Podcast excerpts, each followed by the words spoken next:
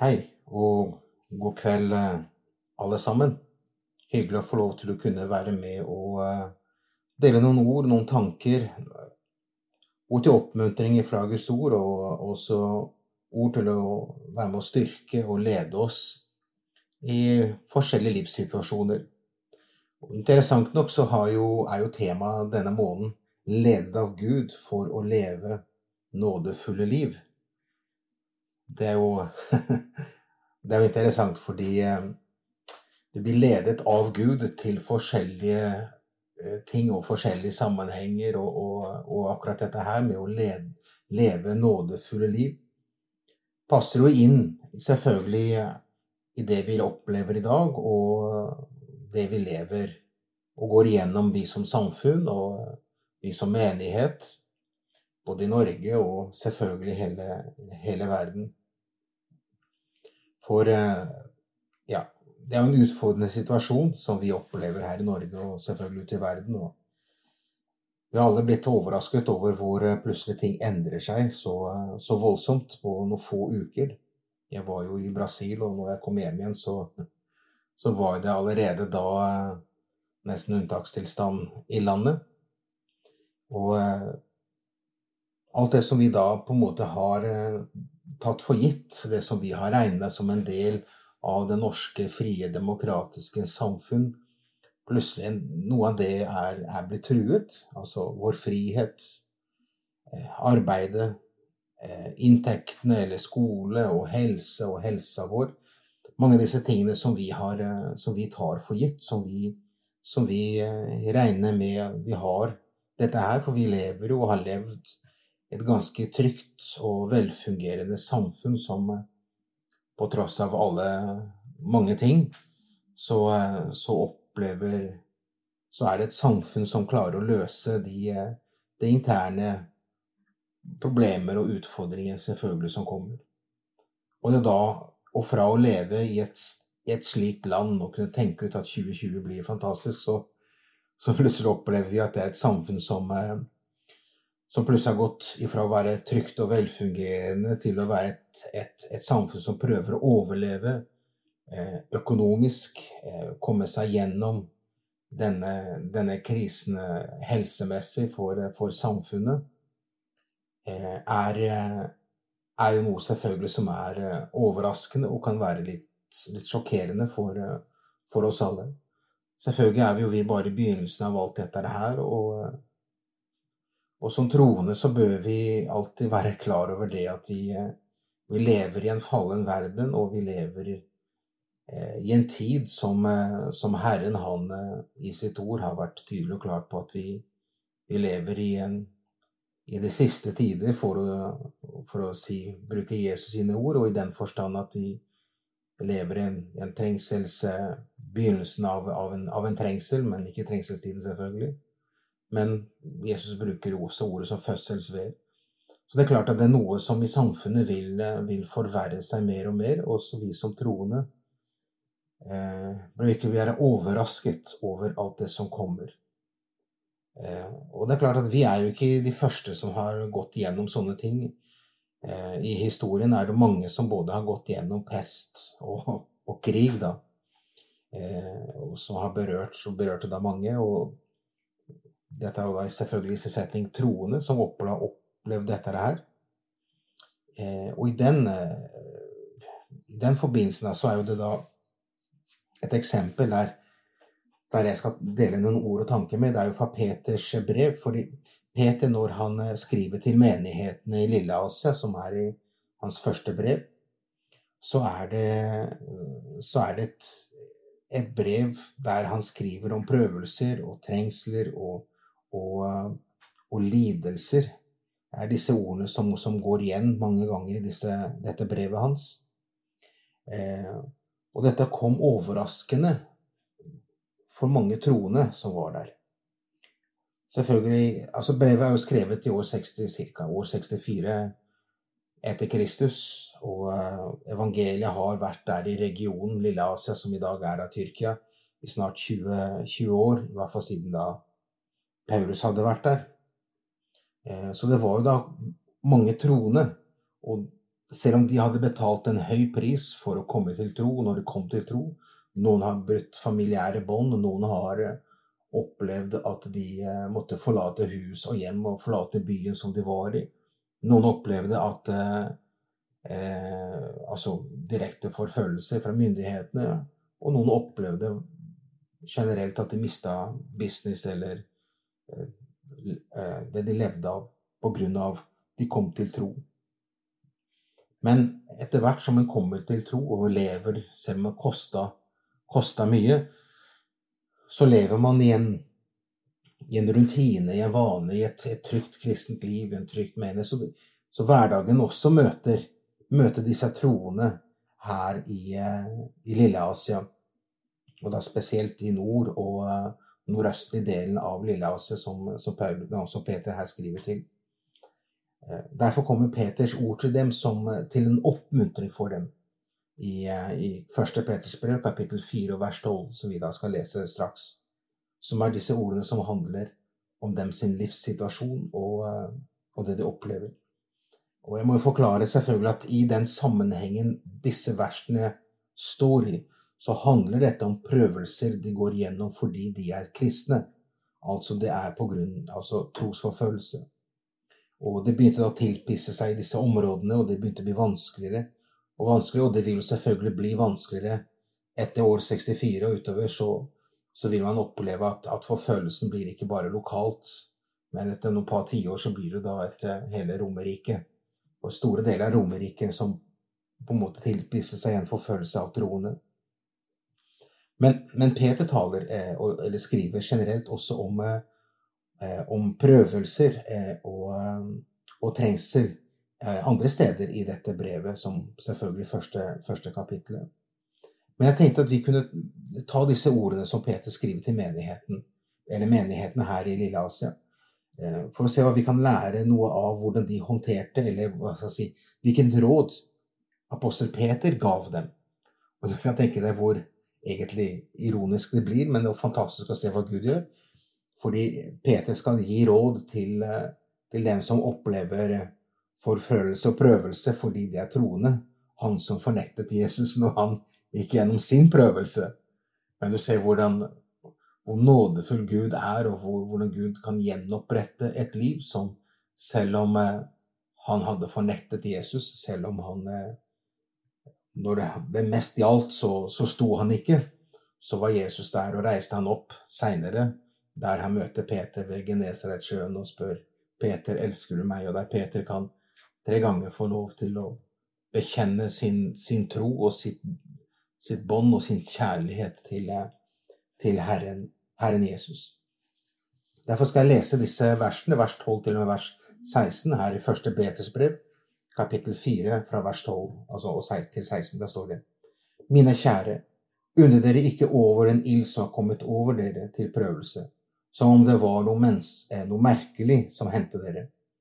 Men i samme grad som dere har del i Kristi lidelse, skal dere glede dere for at, eh, for at dere også kan juble i glede når, her, når Hans herlighet blir åpenbart. Om dere blir spottet for Kristi navns skyld, er dere salige, for herlighetens og Guds ånds ånd hvile over dere. For ingen av dere må lide som en drapsmann eller tyv eller ugjerningsmann, eller som en som blander seg i andre saker. Men lider han som kristen, da skal han ikke skamme seg, men eh, prise Gud for dette navn. Amen. Som dere forstår, som jeg sa, så er jo den teksten i sin sammenheng handler om eh, prøvelser på grunn av eh, eh, dems tro. Men jeg tror samtidig at vi kan vi kan lære noe av hvordan de håndterte, og hvilken, på en måte, hvilket råd først og fremst Peter gir eh, til, eh, til, disse troende i, her i lille Asia. Det første vi kan se på her fra vers 12 til og med vers 14, handler om hvilken, ja, hvilken holdningen de hadde, eller hvilken holdning de burde ha ved, ved prøvelsene. For det første så står det der vers 12 at undre dere ikke over den ild som har kommet over dere til prøvelse, som om det var noe merkelig som hendte dere. Eh, Peter han, han utfordrer deres eh, realitetsforståelse. Forståelse av hvordan, hvorfor ting skjer. Og de kan jo spørre seg hvorfor skal vi gå gjennom dette her?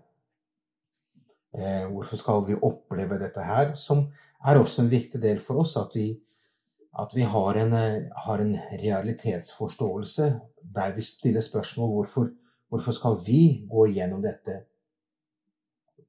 Hvorfor skal vi oppleve dette? Eh, I det å forstå at vi skal ikke være altså ikke undres over eller være ikke overrasket over, over disse tingene her. Fordi Som om noe merkelig skjer. Fordi vi er, vi er kalt til å leve i denne verden, som Jesus ber i sin ypperste bønn, Johannes 17, men ikke i verden, men av. av. Altså vi skal leve i verden, eh, eh, i denne verden, av det Gud gir.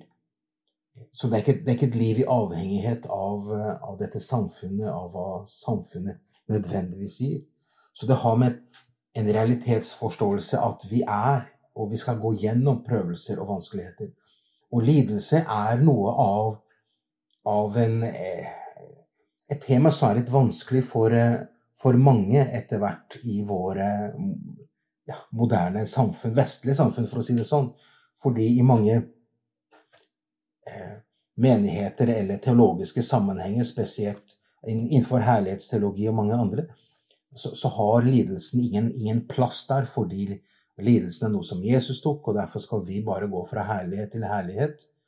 Men Jesus snakker om trengsel. Jesus snakker da taler om at de får fulgt meg, så vil de forfølge dere. Og, og hele det første århundret så var jo det trengsel for den første menighet. Og man kan si at Nesten alle apostlene, foruten Johannes, utenom Johannes, da, døde jo matyrdøden. Eh, eller Judas, da, som heller ikke som tok da selvmord. Men, men, alle de andre utenom Johannes, de døde jo en martyrdød til slutt. Eh, og, det, og, det, viser seg at det var jo lidelser. Eh, så lidelse har jo vært en del av den troendes liv opp igjennom, men som vi i det moderne samfunnet, moderne kristne, noen ganger kan ha vanskelig med å håndtere fordi Eh, fordi vi forventer at, at, at, det skal ikke være sånn mer. Det er noe som hørte til i gamle dager, da, vi, da det var pest og det var andre typer krig. Eh, men i dag så er vi et moderne samfunn, et vestlig samfunn, hvor eh, man rasjonelt skal kunne, kunne på en måte leve, leve godt. Og få lov til rasjonelt til å kunne strukturere et, et fantastisk samfunn. Og så viser det seg det at at det går ikke. Det fungerer ikke sånn. Fordi vi lever i en fallen verden. Så det, eh, det Peter gjør, han, han utfordrer deres realitetsforståelse for at de skal kunne forstå at, at, vi må gå gjennom prøvelser og vanskeligheter. Det hører en del til av våre liv, fordi gjennom dette så, så lærer vi jo noe om vår svakhet. Eh, vi, vi, vi kommer til kort. Vi, vi lærer hvor, hvor maktesløse vi er Eh, for vår framtid og for våre liv. Eh, og i dette her så blir vi minnet, minnet om hvor, hvor avhengig vi er av Herren midt i de prøvelsene og vanskeligheter en går igjennom. Så det første Peter gjør her i, for å på en måte oppmuntre dem og, og lære dem utfordre dem i holdning til hvordan de skal møte prøvelsene, er en, en, en realitetsforståelse og det andre som han, han, sier her i vers 13, som han sier som er litt, litt underlig Men i samme grad som dere har del i Kristi lidelse, skal dere glede dere. Eh, det er, eh, dette med å snakke om lidelser og prøvelser og gleder er jo da veldig vanskelig. For det er jo ingen av oss som gleder oss over å oppleve vanskeligheter. Det er ingen av oss som, som vi, verken, vi ber heller ikke om å gå igjennom noen ting. Men, men det er en, en hemmelighet i dette eh, som Peter prøver å få fram. Dette når man, man går igjennom prøvelser og lidelser for Kristi skyld, som omhandler at, vi gjør det som troende, eh, så, så, er det en hemmelighet at hvordan kan gleden være der når prøvelsen er til stede? Og det har, eh, det har med Den kan bare være til stede, altså denne gleden, Eh, når, når, vi har riktig perspektiv på livet og på vår Herre Jesus. Når vår perspektiv og vår trygghet er samfunnet og samfunnsstrukturen og vår styrke, vår mentalitet og det vi kan klare som samfunn og det vi kan gjøre sammen i fellesskap, så forsvinner gleden når alle disse ankerpunktene i samfunnet begynner å, eh, begynner å løsne. Men når, vårt, når vår glede er, er festet og er ankerfestet hos Gud, hvem Gud er, hva vi har i Kristus, og hvem vi er i Kristus, og hans løfte som er for oss troende, så, så, blir, så, så, blir, det på en måte sånn overnaturlig glede i vårt indre. Eh, I, i Nehemjas bok så, er det et vers som er veldig, veldig kjent. For der står det sånn i Nehemja kapittel 8, vers, slutten av vers 10, så står det For glede i Herren er deres styrke. Men i den sammenhengen dette verset står i, så, så, så uttrykker her både Estra, og, og, som er prest, eh, Estra mener, som er prest, og Nehemje, som er, som er stattholder, og mange av de skriftlærde og levitene, de uttrykker eh, dette her til Guds folke. At de skal ikke sørge, men de skal glede seg. Og grunnen til at de sørget, var at eh, gjennom oppbyggingen her av murene til Jerusalem, så skulle da Estra lese opp Moseloven, eller lese opp Pentateuken, altså, de, altså de, de, en, en, del av, av, lovens bok, altså første, andre, tredje og fjerde Mosebok, i hvert fall, og, og kanskje femte òg, eh, der det sto tidlig opp på morgenen helt utpå midt på dagen, altså fra mellom seks og åtte timer, sto folket og hørte loven bli lest etter mange år. Det hadde de hadde vært eh, eh, vitne til hvordan, hvordan, livene deres var da blitt ledet ut i Babylon, hvor de, de var da fanget i Babylon og var ført tilbake og var med og bygde opp og reiste opp både tempelet og da murene i Jerusalem. Men, men ordet var borte, og når det da hele loven ble lest, da der, der, der, i loven her så er det ikke det bare ti bud, for å forklare det, da, selvfølgelig. Det er jo her loven handler om Pentateuken, altså de fem første bokene i Bibelen, der det handler om der de får åpenbart at det var Gud som utvalgte dem. ikke sant? Abraham ble kalt av Gud. De er et folk som er kalt av Gud. Det er et folk som, har et, et, som Gud har et mål med dette folket. Gud har, et, Gud har et ønske med dette folket, og Gud har et ønske for Israelslandet. Så når alt dette blir lest opp gjennom hva Gud har gjort gjennom Egypt og med Moses som leder folket ut av Egypt, og de inntar løfteslandet, og senere eh, lever i, i, dette landet, så, eh, så, reaksjonen til folket er jo at de, de kommer i sorg. Ja. Og de begynte å gråte, fordi da de hørte dette her, fordi de så at det har ikke vi hørt noe om. Altså, vi, har, vi har mistet dette her som Gud hadde lovt oss. Men så så sier heller Nehemja og, og Estra og dem som var med og leste opp dette lovens bok, så sier gå nå og et retter og drikk søte drikker, send gaver eh, av eh, til dem som ingen, eh, ingen har eh, laget noe til for. For dagen er helliget vår Herren. Så sier han, sørg ikke, for glede i Herren er deres styrke. Det er en, det er en gledens dag. Og hvorfor skulle det være gledens dag? For nå skulle de forstå det perspektivet at livet deres, murene som var revet ned, og alt det de hadde gått igjennom Plutselig så fikk de perspektiv. At all lidelse de hadde gått igjennom, handler om ytre ting. Men i alle denne lidelsen så har Gud fortsatt, og hadde Gud fortsatt en plan for dems liv. Og Gud var fortsatt Gud. Og dem, og de var hans folk. Eh, så glede og jubel, som Peter her, her taler om, kommer av et rett perspektiv. Kommer av at, at Men i samme grad som dere har del i Kristi legeme, lidelser, kan dere glede dere for at dere også kan juble eh, i glede når Hans herlighet blir åpenbart. Denne forventningen på at, at livet er større enn dette her vi går igjennom, og at at vi har en forventning på at en dag så vil Herren komme igjen. At vårt liv handler ikke om bare de neste to måneder, de tre neste månedene eller neste året eller tiåret. Det handler om en evighet. Og en dag vil Herren komme igjen og hente oss. Det handler om en, et perspektiv, et fokus på Han, som gjør at, at gleden blir hos Herren. Og det plutselig blir at gleden blir min styrke, som salmisten sier. Plutselig er gleden min styrke, fordi min glede er i Herren. Derfor vil jeg si dere, gled dere i Herren, sier Paulus da i Filippe-brevet. Så, så, Peter han, han oppmuntret dem til å, til å ha en realitetsforståelse, at prøvelse er en del av livet, og kunne glede seg gjennom det de går gjennom. Fordi vårt fokus, vårt mål, er større enn dette. Vi har en Herre som er, er med i alt dette. Og uh, i vers 14, første del, så står det her om at at om de blir spottet, selv om de må gå gjennom spott for Herres skyld, så, så uh, skal ikke de miste motet, for det er en liten pris man, man, man betaler for dette her.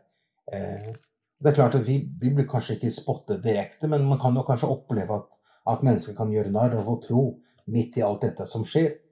Eh, men, at, men, at, vi kan holde fast midt i alle spørsmål alle ting som ikke vi har svar på. Peter sier det i kapittel 1 her i dette første brevet. Han sier det her i vers 6, så står han Derfor jubler dere av glede, selv om dere nå, en liten stund, nødvendigvis har sorg i mange slags prøvelser. Og selv om vi da går gjennom prøvelsene, så kan vi få lov til å glede oss, for vi har et perspektiv som er så mye, så mye større og så mye, så mye lenger. Og en liten stund så kan du tenke at ja, kanskje din prøvelse har ikke vart en liten stund, men det har vart kanskje flere år. Men i evighetsperspektiv er det en liten stund. Eh, Peter oppmuntrer menigheten til at de kan, kan, selv om de da opplever å bli spottet for Kristi skylds navn, eh, er dere salige. For, det, for, Guds ånd hviler over dere. Og det er jo da den premie som man opplever når man går gjennom prøvelsene å holde fast ved Herren, som har med den andre, eller hva si for den tredje holdningen de har, det er dette at, at, at de opplever premie, at Herren han blir herliggjort, og at de er ikke alene i det de går gjennom. Herren er med dem gjennom alle, alle disse prøvelsene. Så Det første vi ser, at, er at det Peter prøver å oppmuntre dem, det er at hvilken holdning de skal ha ved prøvelsene. De skal ha en realitetsforståelse, de skal ha en glede og en jubel i sitt hjerte fordi perspektivet deres er Herre, og fokuset deres er Herre, selv om de blir spottet. Og da vil du oppleve en, en pris, en premie, i sitt indre ved å, ved å vite dette at, at, at, eh, at Herren han blir herliggjort i dette. Om vi holder ut i alt dette her. Og da er det den andre delen av de ordene som, som Peter kommer med, som handler om at eh, vår styrke i lidelse, altså det som gjør at vi kan holde ut, så står det her fra vers 15 til og med vers, vers 16. Eh, så er det sånn at eh, vers 15 så står det for ingen av dere må lide som en drapsmann eller tyv eller ugjerningsmann eller en som blander seg i andre sine saker. Altså snakker at vi, vi, må lede, vi må lide i renhet. At ikke vi må lide fordi vi har gjort en dårlig oppførsel eller har synd, har gjort noe gærent. Men, men, at vi må lide som troende. Eh, at det, det, vi går gjennom, at når vi går inn i disse tingene, at vi legger all vår synd og all vår skyld på Herren.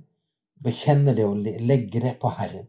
Så vi kan få lov til å møte utfordringene med et rent hjerte som vi har fått i Kristus Jesus. Fordi han døde for vår synd. Og det er viktig, fordi i møte med prøvelsene og vanskelighetene, så kommer skyldfølelsene, så kommer anklagene i våre liv og sier at ja, dette vil ikke du holde ut, og dette er ikke mulig fordi du gjorde det, eller du sa det, eller du gjorde ikke det i ditt liv, eller du har ikke vært flink nok som kristen, du har ikke prioritert nok bønn og bibellesning, og du har ikke vært lenge nok innenfor Herren. Når dette kommer over ditt liv, derfor lider du det du gjør nå. Anklagene er der. Derfor er det viktig å legge det på Herren og vite at at vi har en, en fullkommen tilgivelse i Jesus Kristus. Det som eh, eh Johannes han, han, skriver i hans, hans, første brev, der kapittel 1 vers 9, at dersom vi bekjenner våre synder, er han trofast og rettferdig, som forlater oss syndene og renser oss fra all urettferdighet. Så det, det å legge det på Herren og stole på at det er nok, er veldig viktig for at vi kan få lov til å vandre med et rent rent hjerte og rent sinn. Eh, og det andre som han snakker om her i vers 16, er at men lider han som kristen, sant? da skal han ikke skamme seg. Dette med, med, med, med, å lide med integritet. Altså lide fordi jeg er troende. Jeg lider som troende. Jeg vil ikke skamme seg over prøvelsene, de økonomiske vanskelighetene som kommer i livet. Og du opplever det vanskelig, du opplever regninger hoper seg opp, og du opplever at du klarer ikke å møte de økonomiske utfordringene. Eller du opplever at, det, at du er faktisk litt redd og engstelig. Men, men ikke, du skammer deg ikke over alt dette her, men, men at du, du bekjenner en tro på at Herre, uansett, Herre, så stoler jeg på deg. Paulus, når han skriver til Timotus, så, så, så i andre, hans andre brev, så, så, snakker eller skriver han til, til Timotus i en sammenheng der, der mange mennesker hadde allerede Eh, forlatt Paulus, og mange menigheter hadde på en måte forlatt Paulus. og Det var ikke mange som sto med Paulus helt til slutten. Eh, noen, noen skammet seg, noen var redd for å bli satt i samme bås som Paulus, redd for å bli fengslet. Og da sier, Men så skriver da Paulus dette til Timotus, sin, sin nære venn og kjære venn, og sier Skam deg derfor ikke ved vår Herres vitnesbyrd eller ved meg, hans fange, men lid ondt sammen med meg for evangeliet i Guds kraft. Det, det, å stå helt til enden uansett eh, er viktig. Det å ikke skamme seg, det å det holde seg fast ved ham. Selvfølgelig, akkurat dette har jo igjen sin sammenheng med dem som, som opplever eh, å, bli, eh, bli forfulgt på grunn av sin tro. Men, eh, men det, å, det, å, stå fast er å ikke skamme seg ved å være en troende, fordi der står det på slutten av dette verset 16 Men pris Gud eh, for dette navnet. Det blir vårt vitnesbyrd, være en Jesu etterfølgelse. At Gud, han, eh, han blir æret gjennom våre liv. For du skjønner at lyset, det skinner sterkest der det er mørkest. Så det at vi kan holde lyset klart i denne tiden, så våre naboer og familier og mennesker rundt oss kan se at vi vi har en glede, vi har en trygghet som ikke er basert på oss selv, selvfølgelig, men at vi har et ankerfeste som er hos Jesus. Og til avslutning så står det her, Peter sier dette første brevet, i kapittel 1, vers 7, så sier Peter dette, altså de prøvelsene som kommer gjennom dem, prøvelser som kommer igjen dem sitt liv, at dette skjer fra deres prøvde tro, som er langt mer kostbar enn forgjengelig Gud som jo lutres ved ild, skal finnes til lov og pris og ære ved Jesu Kristi åpenbarelse. For Herren har eh, din, din prøvde tro mye større verdi enn en tro som er bekjent bare i velstand og i gode dager der alt, alt er, eh, er fantastisk. Men en, en, en tro som er bekjent gjennom prøvelsene, gjennom vanskeligheter, Gjennom gode dager, selvfølgelig, men også gjennom vanskelige dager. Det er langt mer verdifull enn gull som er som lutres ved ild, som gjøres ren. Så Herren ønsker at vi skal gå gjennom selvfølgelig disse prøvelsene, at vi er en del av dette, men at for at vår tro skal bli styrket, så vi kan bli minnet om at vi er, vi er avhengige av Herren, eh, at vi kan ha fokuset på Han, og vi kan få se at vi er svake hvis ikke vi har Herren. Og i alt dette så kan Han få lov til å bli æret gjennom våre liv. Så kan vi få lov til å bruke muligheten til å fortelle noen om Jesus, hvordan vi møter da disse utfordringene som har så vidt begynt. Hvis ting går sånn som samfunnet tror, som sier, myndighetene sier, så, så, vil det være enda verre om tre eller fire uker. Eh, men samme hva som skjer, så er vårt liv innenfor Herrens hånd. Skal vi be nå? Herre, vi takker deg for at i prøvelsene og i vanskelighetene så tilhører vi deg. Herre, vi takker deg for at ikke vi skal være engstelige for morgendagen. Vi takker deg, Herre, for at du har lov til å være med oss alle dager, Herre. Nå ber jeg Jesus at du skal styrke den som hører ditt ord, Herre. At vi må ha en, en forståelse på det vi går gjennom, Herre, og ikke bli overrasket over alt det som skjer. Men Herre Jesus, få lov til å stole på deg at du er med oss gjennom alt dette her, Jesus. Og at i dette her så kan vi få lov, Herre Jesus, til å holde ut, være styrket i vår tro, Herre, med at vårt liv er overlagt i din hånd, Herre. Så vi, når vi lider, når vi går gjennom prøvelsen, så gjør, vi det med å ære ditt navn, med et liv som er festet til deg, Herre. Derfor legger jeg, Herre, våre liv innenfor deg. Og den som nå hører på deg, eller hører, hører dette budskapet, Jesus, kan få lov til også legge på deg, Herre Jesus, all bekymring, all angst, Herre, og få lov til å stole, Herre, på at uansett hva vi går igjennom, uansett hva morgendagen vil bringe, så er vår Gud større enn Norge, større i dette samfunnet. Vår Gud er skaperens Gud, Han som har kalt oss, og vi som da blir født på nyen gjennom det Jesus gjorde på korset. Herre, vi takker deg, og vi priser deg for å være med oss akkurat nå i denne stund. I Jesu navn. Amen.